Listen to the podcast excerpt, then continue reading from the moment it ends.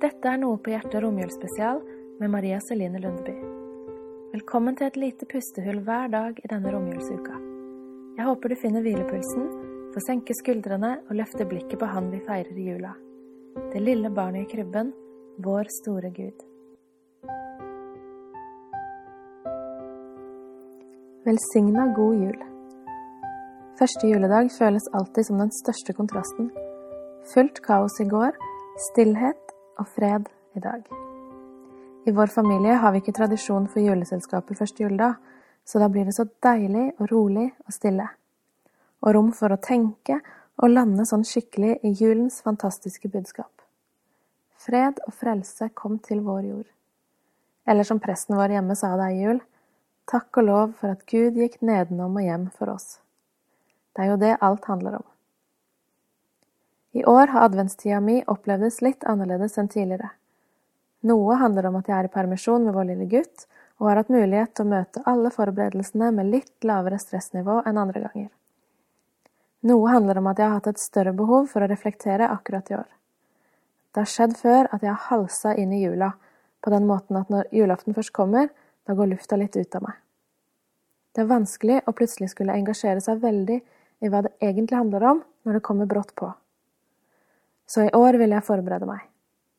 På samme måte som vi har faste før påske, så har vi advent før jul.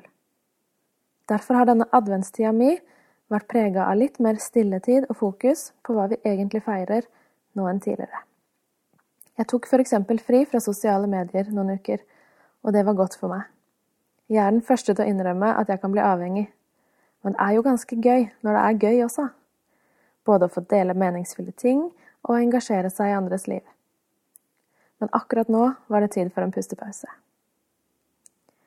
Dag for dag, litt etter litt, har jeg fått forberede meg til julefeiringa, men det er ikke sikkert at du har hatt det helt likt.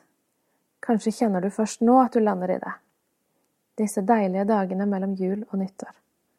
Når pakkekaoset har lagt seg, maten er prestert og fortært, forventninger er innfridd, eller skuffelser er svelga unna. Kanskje vi nå sammen kan løfte blikket på det lille barnet i krybben. Kanskje vi kan hjelpe hverandre til å se hva det betyr for oss, midt i alt dette som er livet vårt. Det første spørsmålet som ble viktig for meg i adventstida, var helt avgjørende for hele jula. Det er lett for meg å tenke på jul som noe koselig og glitrende, men det handler om noe helt reelt og dødsviktig. Eller skal vi kanskje si livsviktig? Det som skjedde i den skitne, mørke stallen en kald natt for mer enn 2000 år siden. Det handler om at Gud selv kom til jord og det vil jeg selvfølgelig gjerne feire med hele meg og et dedikert hjerte. Det avgjørende premisset er svaret jeg gir på spørsmålet Tror jeg at jeg trenger en frelser?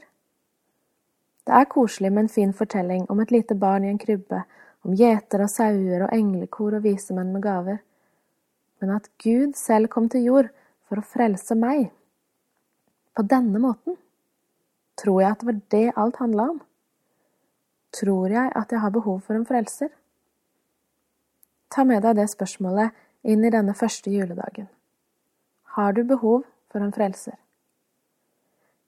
Jeg vil avslutte med to bibeltekster og en kort bønn.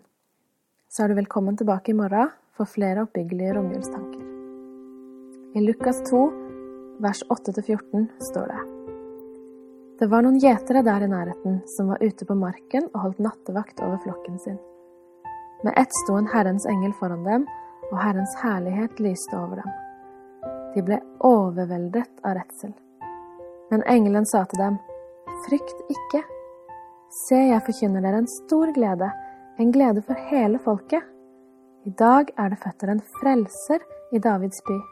Han er Messias, Herren. Og dette skal dere ha til tegn. Dere skal finne et barn som er svøpt og ligger i en krybbe. Med ett var engelen omgitt av en himmelsk hærskare som lovpriste Gud og sang.